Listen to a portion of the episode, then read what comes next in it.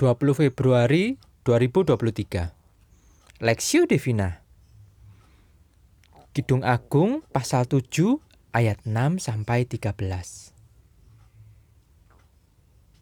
Betapa cantik betapa jelita engkau. Hai tercinta di antara segala yang disenangi. Sosok tubuhmu seumpama pohon korma, dan buah dadamu gugusannya. Ketik kataku, aku ingin memanjat pohon korma itu dan memegang gugusan-gugusannya. Kiranya buah dadamu seperti gugusan anggur dan nafas hidungmu seperti buah apel. Kata-katamu manis bagaikan anggur. Ya, anggur itu mengalir kepada kekasihku dengan tak putus-putusnya.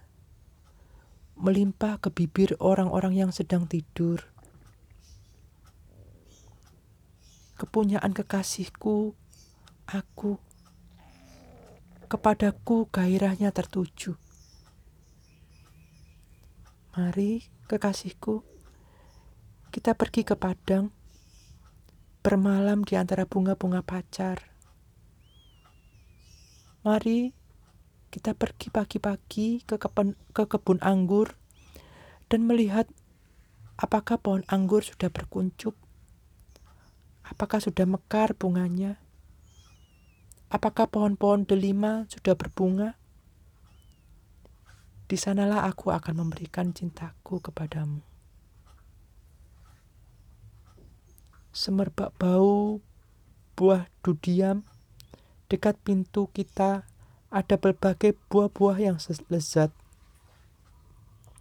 yang telah lama dan yang baru saja dipetik. Itu telah kusimpan bagimu, kekasihku.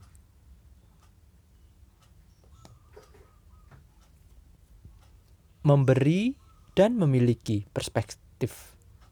Mari kita pergi pagi-pagi ke kebun anggur, di sanalah aku akan memberikan cintaku kepadamu. Kidung Agung pasal 7 ayat 12. Sekitar setahun setelah kematian sang suami, Pangeran Philip, Ratu Elizabeth pergi menyusul mendiang suaminya. Konon, salah satu penyebab kemunduran kesehatan Ratu Elizabeth adalah kesedihan yang mendalam karena kematian suaminya. Orang yang paling dicintai dan dirindukannya. Dalam hemat saya, inilah cinta yang memberi dan memiliki. Dalam bacaan firman ini, penulis Kidung Agung memuji kemolekan, kecantikan, dan keindahan fisik kekasihnya.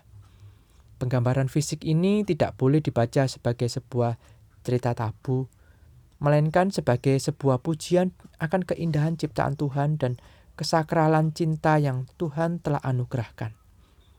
Meski terkesan vulgar, bila orang percaya meyakini bahwa relasi kudus di antara Tuhan dan umatnya juga dapat digambarkan sebagai hubungan antara suami istri yang penuh kasih, tulus, dan bukan hawa nafsu belaka. Maka kesan vulgar tersebut akan hilang dengan sendirinya. Gambaran ini berganti dengan gambaran kekudusan antara orang percaya dengan Allah yang dipersatukan melalui Kristus. Tuhan sendiri telah memberi dirinya menjadi manusia di dalam Kristus. Melalui pengorbanan dan darahnya, ia telah membayar lunas orang percaya menjadi miliknya.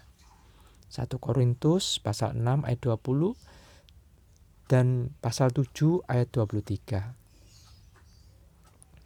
kisah Allah yang telah memberikan dirinya melalui diri Kristus dan membayar lunas umatnya berbicara lebih kuat daripada cinta Pangeran Philip dan Ratu Elizabeth yang saling memberi dan saling memiliki. Kisah ini juga mengingatkan orang percaya untuk hidup terus dalam kasih Allah. Menyadari betapa berharganya tiap kita karena Allah telah memberi yang terbaik, yaitu dirinya sendiri. Ingat dan renungkanlah senantiasa nasihat dalam 1 1 Petrus 1 ayat 18 sampai 19 Sebab kamu tahu bahwa sebab kamu tahu bahwa kamu telah ditebus dari cara hidupmu yang sia-sia yang kamu warisi dari nenek moyangmu itu bukan dengan barang yang fana, bukan pula dengan perak atau emas, melainkan dengan darah yang mahal, yaitu darah Kristus.